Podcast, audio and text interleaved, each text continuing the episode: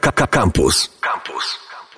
Kręte ścieżki, dzień dobry, witam wszystkich. Dziś gościmy ekipę Podróże w Naturze. Dzień dobry, Dzień dobry, dzień dobry. czyli kto? Ania?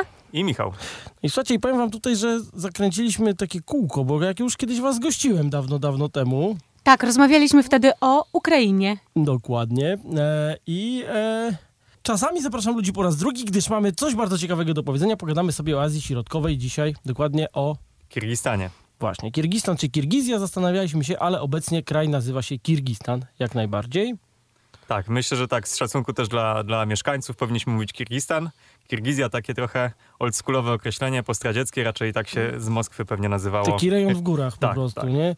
No dobrze, Kirgistan, dokładnie. Gdzie to jest, jak ktoś nie wie i właśnie drapie się po głowie i myśli sobie, o czym oni tam gadają w tym radiu? Taka jeszcze niezbyt zeksplorowana część Azji, bo Azja Centralna, która kusi, która jest bardzo, bardzo ciekawym rejonem świata, a sam kraj Kirgistan to po prostu kraj pośród gór, ponieważ aż 93% tego kraju to właśnie góry. No i te niekulawe góry dodajmy, bo całkiem wysokie. Tak, góry są konkretne i to jest faktycznie taki obszar mocno górski.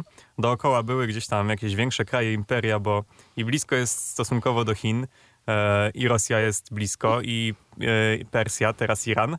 A to taki niepozorny element górski, ale góry są konkretne, są tam e, szczyty powyżej 7 tysięcy e, metrów, więc tak naprawdę niewiele brakuje już do tych ośmiotysięczników, e, które znamy gdzieś tam z Himalajów i, No i bo to jest takie przedmurze Himalajów właściwie, tak? Tak, nawet bardziej przedmurze Karakorum. Tam są góry Tien Shan e, i Pamir. Głównie w Kirgistanie to Tien Shan. E, no i najwyższy szczyt Pik Lenina już ma ponad 7000 metrów. I cały czas jest ta super nazwa? Dalej, Pik Lenina? dalej tak. Innej, innej nie słyszałem. Co prawda się tam nie wybraliśmy, bo to już jest wysoko wspinaczka dla profesjonalistów, ale dalej nazwa funkcjonuje i to jest faktycznie miejsce, gdzie dużo turystów ściąga, żeby zaliczyć taki szczyt. A ogólnie e, turystyka górska jest popularna e, tam w różnym tego słowa znaczeniu? W zasadzie tylko taka, bo są tam tylko góry. Natomiast e, oprócz turystyki górskiej jest też turystyka konna. E, są też jeziora, ale jeśli się chce te jeziora zobaczyć, to siłą rzeczy musimy udać się na szlaki górskie. I więc mamy turystykę górską. tak. Dobra, to, to może inaczej. Czy może być niegórska turystyka w Kirgistanie?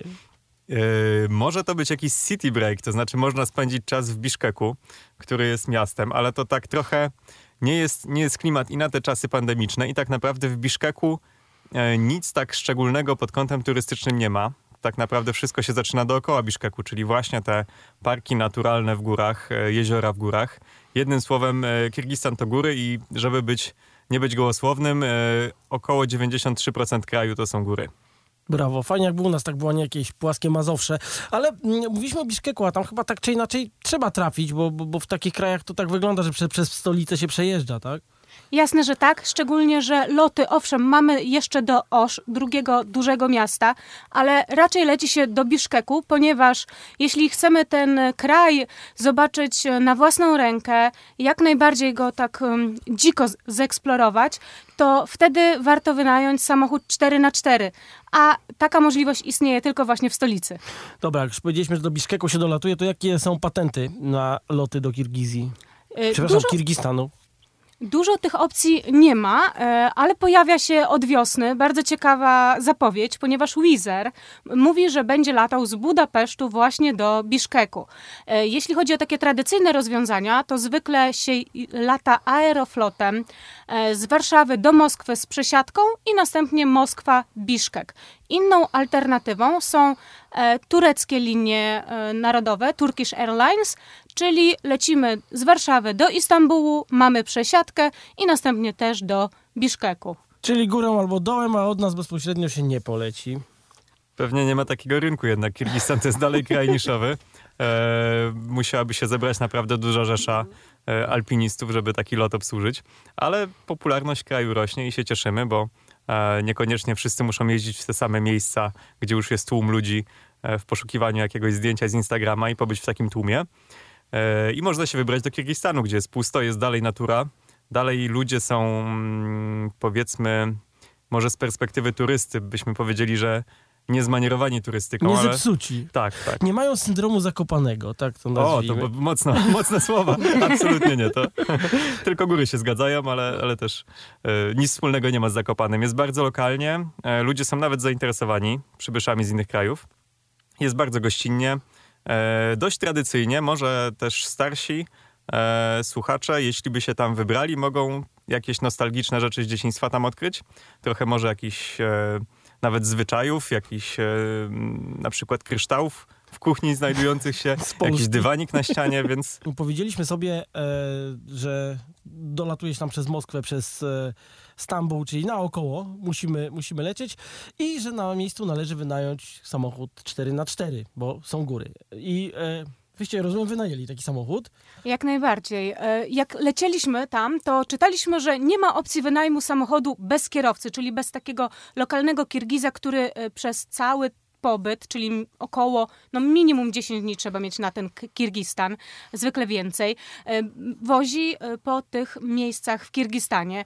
E, To jest mit, da się na własną rękę wynająć taki samochód i jak najbardziej mieliśmy go do dyspozycji. To był taki fajny samochód, stary Nissan Patrol, który kiedyś ONZ bardzo lubił wykorzystywać właśnie na swoich misjach na świecie, więc bardzo dobrze się sprawdziło to auto na kirgiskich drogach, a nie oszukujmy się, są one trudne, kręte. Skoro jesteśmy w audycji kręte ścieżki, to tak, drogi Kirgistanu również są kręte, e, często e, takie szutrowe, wręcz nieprzejezdne. My naprawdę przez rzeki przejeżdżaliśmy, e, któregoś razu przez, uwaga, Gołoborza. Tylko wtedy się przesiedliśmy w takiego małego łaza, e, które też można w Kirgistanie wynająć, tylko że tym łazem to jeden dzień. e, już wtedy był kierowca. Tak. Tak. No tak, bo już to już trzeba skilla mieć, tak? Już trzeba mieć skilla, tak, doświadczenie. Mhm. A co jest też ciekawe, e, część dróg jest w ogóle nieprzejezdna e, w zimie, w okresie zimowym. Dopiero są odśnieżane na wiosnę i mieliśmy taki moment, że jechaliśmy po Google Maps e, i okazało się, że droga jest odśnieżana, zamknięta do wiosny. E, I musieliśmy nadrabiać, to było kilkaset kilometrów zawrotki. E, A, a w jakim okresie byliście, w ogóle powiedzcie? My byliśmy na przełomie kwietnia i na początku maja i jak się okazało, rzeczywiście część dróg dopiero e, w drugiej połowie maja jest odśnieżona. Spotkaliśmy takich panów, którzy przez kilkanaście dni spędzają czas i śpią i stołują się w takim autobusiku, a w godzinach e, dziennych odśnieżają. I jak e, podjechaliśmy pod taką drogę, którą chcieliśmy do jeziora dojechać, spotkaliśmy ich i pytamy, czy droga jest zamknięta. A oni mówią, tak, ile jeszcze dni? No jeszcze 10 dni. Także to nie wystarczy 20 minut poczekać, tylko dłużej. No to ja wam tylko tyle powiem, że mój kolega, który e, w, Kirgiz, w Kirgizji wtedy e, jeszcze Republice, właściwie to już był początek lat 90. i on gdzieś pojechał w góry do kogoś i ten ktoś przyjechał po dwóch tygodniach dopiero i on tam siedział i czekał na niego. No i ten człowiek mówi, słuchaj, ty będziesz żył 80 lat, a mi kumplowi dwóch tygodni żałujesz? No weź się wyluzuj.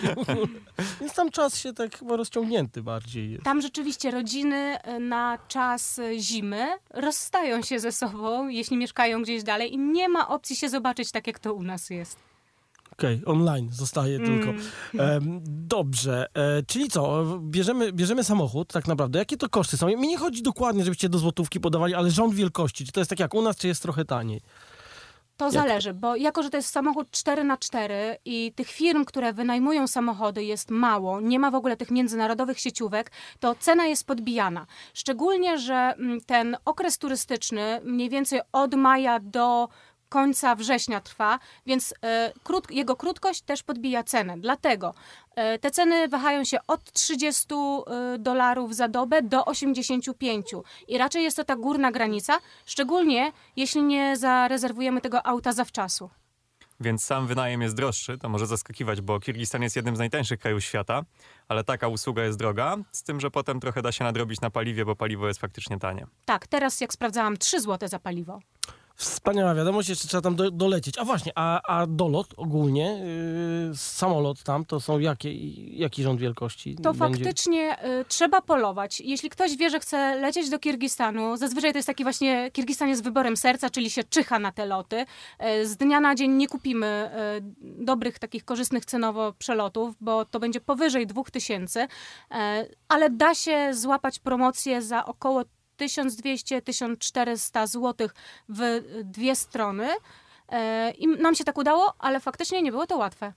Czyli kombinujmy, to jest e, do, dobra rada. Przylatujemy do Biszkeku, stolicy, bierzemy furę i co dalej? I jak już jesteśmy w Biszkeku z furą, to zacząłbym stopniowo, to znaczy niedaleko, e, około 30 km od stolicy jest park naturalny, nazywa się Al Archa. I to są góry już takie konkretne, bo najwyższe szczyty mają około 5000 metrów. E, park jest dobrze skomunikowany i bardzo malowniczy. To jest fajne miejsce na taką wstępną aklimatyzację, na poczucie się trochę, jak tam się człowiek zachowuje w wyższych górach. E, można tam podjechać samochodem i zrobić sobie taki jednodniowy e, hiking, jednodniowy spacer po wzgórzach. Widoki są bardzo ładne i to jest taki dobry pomysł na start. Czy tam są jakieś szlaki wyznaczone, czy po prostu wiadomo, że trzeba iść tam i, i tyle? Tam są szlaki wyznaczone, to znaczy nie jest tak, że jest ogrodzona jakaś e, ścieżka z płotem, znakami, kilometrami. Raczej jest e, wydeptana kręta ścieżka. E, Ale coś pomalowali, czy jakiś kamień leży chociaż? Niewiele. Są znaki.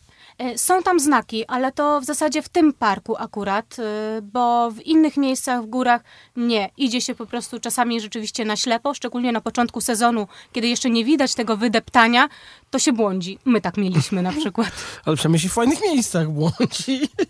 Tak, byliśmy w bardzo fajnych miejscach, szczególnie, że Kirgistan e, właśnie na początku, czy tam w środku wiosny, e, jest taki, że jakby Vivaldi miał swoje cztery pory roku grać, to mógłby je zagrać dosłownie na przełomie kwietnia i maja, bo e, krajobrazy wtedy są tak różnorodne, że mm, w Biszkeku na przykład mieliśmy e, prawie 30 stopni, gdzie niegdzie mieliśmy stopni na minusie, więc była zima, gdzie indziej widzieliśmy jakieś takie żółte Jesienne pożółkli- tak, historie. żół, żółte takie jesienne drzewa, a gdzie niegdzie były zielone wzgórza, więc cztery pory roku.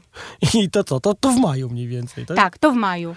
Tak, i to też jest ważna informacja dla wszystkich, którzy chcą iść w te najwyższe partie gór, czyli tam panuje zima, tam jest śnieg, e, o czym też się przekonaliśmy w jednym miejscu i chyba, chyba o tym za chwilę opowiemy, ale jeszcze jadąc e, z Ala Archa dalej e, mamy trasę i jeziora. Właśnie. Tak, mamy, jeziora. mamy jeziora, na przykład jezioro Issyk-Kul, czyli takie drugie największe jezioro górskie na świecie. Ono akurat e, o dziwo w tych warunkach nie zamarza. E, nazywane jest e, też Issyk-Kul, znaczy dosłownie ciepłe jezioro. E, I tam e, latem można pływać, kąpać się. E, z kolei już w tych wyższych partiach gór jeziora, takie jak Alakul, słynne. Warto, jeśli chcecie do Kirgistanu, warto je sobie zapisać. Takie turkusowe górskie jezioro, to tam już jest bardzo, bardzo zimno i tam się nie wykąpiemy. Więc tak idąc trasą Biszkek, Park Narodowy Ala Archa, lądujemy nad jeziorem Issyk-Kul, a wokół niego skupia się bardzo wiele atrakcji. Na przykład kanion Skaska. E, On wziął swoją nazwę z języka rosyjskiego, oznacza bajkowy, e, bajkowy kanion E, i faktycznie jest tam bajkowo, bo mamy różnorodne formacje skalne, które przypominają bardzo ciekawe kształty, na przykład wielbłądy, koty, to tak natura uformowała, więc jest tam bajkowo, a skały mają kolor czerwieni i pomarańczy za sprawą żelaza. No to pięknie. Trochę nieoczywiste te historie, które wy tutaj Tak, nieoczywiste. I tam jest właśnie taki, takie czerwone barwy, a y, dosłownie kilkadziesiąt kilometrów dalej już się wspinamy na wysokie szczyty, na 4000 metrów nad jezioro Alakul, y, gdzie mamy zimę. To już właśnie 4000 to ono pewnie jest takie rześkie to jezioro, tak bym o nim powiedział. Tam na górze jest rzeźko, a, a samo jezioro jak wygląda, e, to wam nie opowiemy, bo to jest, to jest historia niestety porażki. E, to jest to miejsce, do którego jechaliśmy łazem. E, tutaj potrzebowaliśmy kierowcę, bo drogi już nie było. E, były na trasie zwalone drzewa, kamienie, więc nawet e, ten Nissan Patrol nie dawał rady, tylko stary łaz No e, to surowy. grubo musiało być. Tak, nas dowiózł i stamtąd i tak szło się około 5 godzin. I na ostatnim, dosłownie na ostatnim odcinku tego trekkingu, na być może 100, 100 metrów przed szczytem, było tak stromo i było tyle śniegu, że spojrzeliśmy po sobie, spojrzeliśmy na to, że nie mamy żadnego zasięgu w telefonie, nikogo nie ma w promieniu kilkunastu kilometrów i stwierdziliśmy, że jednak nie, że jednak jest pięknie, ale chyba nie chcemy tutaj zostać i zawróciliśmy. Ale sama trasa była wielką przyjemnością, wielkie wyzwanie, piękne widoki, pustki, nikogo nie spotkaliśmy. No i samo jezioro też jest piękne, ale to znamy tylko ze zdjęć. To jest też bardzo ważna e, sprawa, bo mm, jeśli chodzi o wysokości w Kirgistanie, musimy uważać. I każdemu polecamy, żeby skontaktował się ze swoim lekarzem i lekarzem medycyny podróży i zaopatrzył się w leki przeciwko chorobie wysokościowej. Niekoniecznie stosujemy je mm, jako prewencja, ale jeśli coś się wydarzy na górze, y, poczujemy pierwsze objawy, no to warto mieć go ze sobą. I trzeba pamiętać o tej aklimatyzacji. Kirgistan jest niebezpieczny, choroba wysokościowa też może się skończyć tragicznie, więc y, trzeba uważać, jeśli idziemy tam na lekko. Mówiliśmy sobie o wynajęciu samochodu y, terenowego i jeżdżeniu w góry, co jak się okazuje w maju nie zawsze i tak kończy się powodzeniem. Tak, y, powodzeń y, i niepowodzeń mieliśmy wiele. W ogóle Kirgistan to jest taki kraj do odkrywania. Nie zawsze tam e, spotyka się rzeczy, których się spodziewa, a niespodziewane rzeczy są super. I takim niespodziewanym miejscem, gdzie trafiliśmy było Żeti Ogus. E, bardzo e, malowniczo, wysoko położona kraina, pełna też takich czerwonych wzgórz. I co ciekawe, przyjeżdżamy tam, rozglądamy się i czego się dowiadujemy, że Yuri Gagarin po tym jak wrócił z orbity okołoziemskiej, tam się dekompresował. To znaczy, żeby od razu nie wrócić e, na niziny e, gdzieś tam moskiewskie, musiał spędzić tam jakiś czas i w tym rozrzedzonym powietrzu e, dochodził do siebie, zanim, zanim pokazał się publicznie. Taki, jaka, jaka to wysokość mniej więcej? To jest też około 4000 metrów. No tak, to już można dostać choroby wysokościowej, to co mówiliśmy wcześniej, że trzeba uważać, bo to niektórzy, niektórzy mogą źle zareagować tak, na takich wysokościach. Historii jest dużo. E, a propos tej wysokości też, e, pod koniec dosłownie wyjazdu, jak e, wracaliśmy samochodem na lotnisko, straciliśmy cały płyn chłodniczy i to na przełęczy, też w okolicach właśnie 4000-3,5 metrów.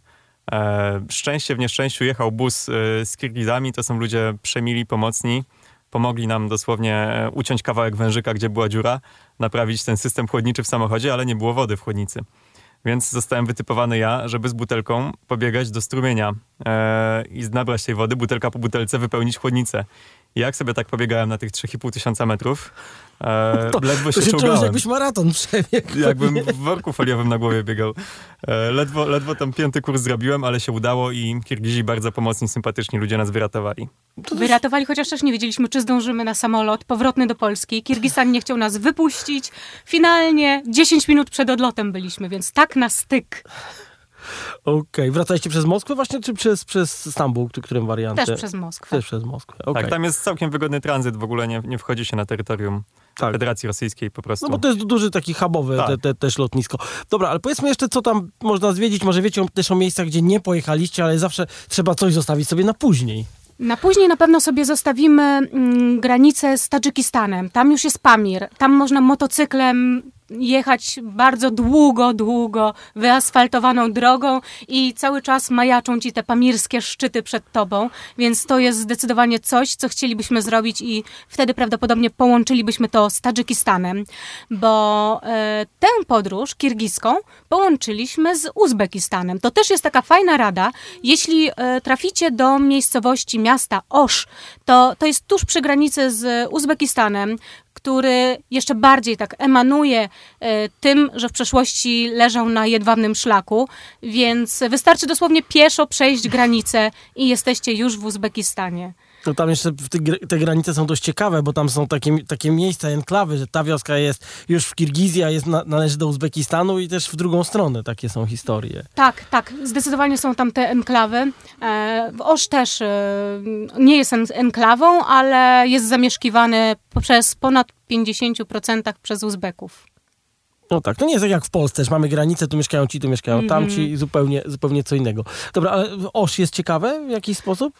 Nie, nas nie zaciekawiło, ale to też może wynikać z tego, że my y, kochamy po prostu naturę i raczej zawsze uciekamy od tych miast. E, to raczej w Uzbekistanie jedzie się do miast, Kirgistan to głównie natura. Jeśli chodzi o Osz czy Biszkek jako miasta, to tam polecamy się po prostu wybrać na bazary, gdzie można na przykład zjeść. O, o tym za chwilę, ale tutaj o tych miastach Uzbekistanu rzuciliśmy, tylko słuchajcie, te miasta to oni pisali e, e, poważne książki, mieli uniwersytety, jak myśmy biegali z Dzidą po lesie, więc to trochę, trochę inna historia z tymi ich miastami. E, także Prawda. szacunek tutaj e, się- duży. Tak, tutaj dla tych miast jak najbardziej. E, Osz też zresztą e, jest jednym z najstarszych miast, aczkolwiek no, nie ma tam tej architektury, którą właśnie dosłownie za granicą już widać. Ale słuchajcie, to daleko nie szukając, nawet jak się do Rumunii pojedzie, to lepiej z miast uciekać w góry, bo po prostu jest lepiej. I zawsze poruszam temat jedzenia, a jak sami Kirgizi mówią, więcej baraniny niż oni to nie, je- chyba tylko wilki jedzą. Tak, taką słyszałem opinię od samych Kirgizów. Opinia prawdziwa. E, Kirgistan to jest na pewno kraina górska, więc już możemy sobie trochę gdzieś tam odnieść nawet do europejskich górskich krain, e, jak się je. Raczej je się skromnie. E, oczywiście baraniny jest mnóstwo. Technicznie to jest kraj muzułmański, więc e, wieprzowiny raczej, raczej nie spotkamy. Jada się też koninę, co, co dla nas jest kontrowersyjne. My ostatecznie nie zdecydowaliśmy się spróbować koniny, ale na koniach tam się jeździ. E, W ogóle przez wiele lat e, populacja koni była większa niż populacja ludzi w Kirgistanie. Konie też na przykład zapewniają mleko. Z mleka e, Kirgizi robią alkohole, co też jest narodowym napojem, na przykład kumys, czyli, czyli fermentowane mleko. Piliście to, bo to podobno po brzuchu potrafi tak pojechać, że... Ja lubię próbować różnych rzeczy, ale no tu się nie odważyłam. Przyznaję. Wcale się nie dziwię, dobrze? Nie, nie odważyliśmy się, ale kumys jest bardzo ważny dla Kirgizów.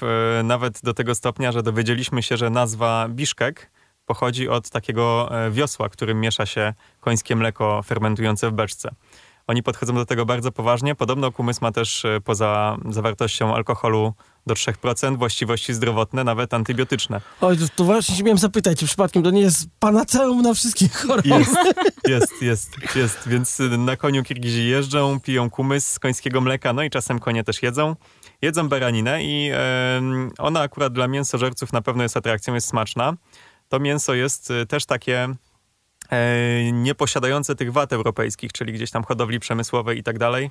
E, więc można śmiało powiedzieć, że tam e, takie potrawy wszelkie z grilla czy, czy jakieś właśnie, pieczenie. jak, jak wygląda to, jakbyście chcieli na ulicy coś zjeść? Co tam się na ulicy jada? Bo to jest istotne. Stricte street foodu raczej e, próżno szukać, to znaczy nie jest to kraj turystyczny. Kirgizi gotują w domach, nie jest to też Tajlandia, gdzie, gdzie lokalsi się stołują na ulicach. No ale na bazarach ludzie coś muszą jeść, tak? Na bazarach tak. To na bazarach możemy zjeść e, właśnie manty z tą baraniną. Możemy... To e, powiedz, spró- powiedzmy, co to są manty od razu. To są... Manty to są takie zawijane pierożki z takim fajnym e, na końcu mm, zawijasem. Ja się na kuchni nie znam, przepraszam, ale to jest, e, to jest taki jakby pierożek. Pierożek wypełniony właśnie baraniną. To jest takie bardzo soczyste, esencjonalne.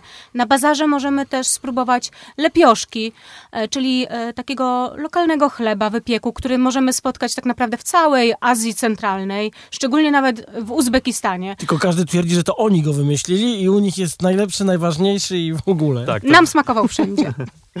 tak, z pierogami też zabawna historia, bo są, są dosłownie w każdym kraju jakieś pierogi i, i to, to jest jedna z tych rzeczy, którą warto spróbować w Kirgistanie. I co ciekawe, zwłaszcza im bliżej Uzbekistanu, a już w ogóle w Uzbekistanie, ale w Kirgistanie gdzie niegdzie też, em, żywność i, i takie najlepsze restauracje to są zajazdy przydrożne. I tutaj czuć taką kulturę kupiecką.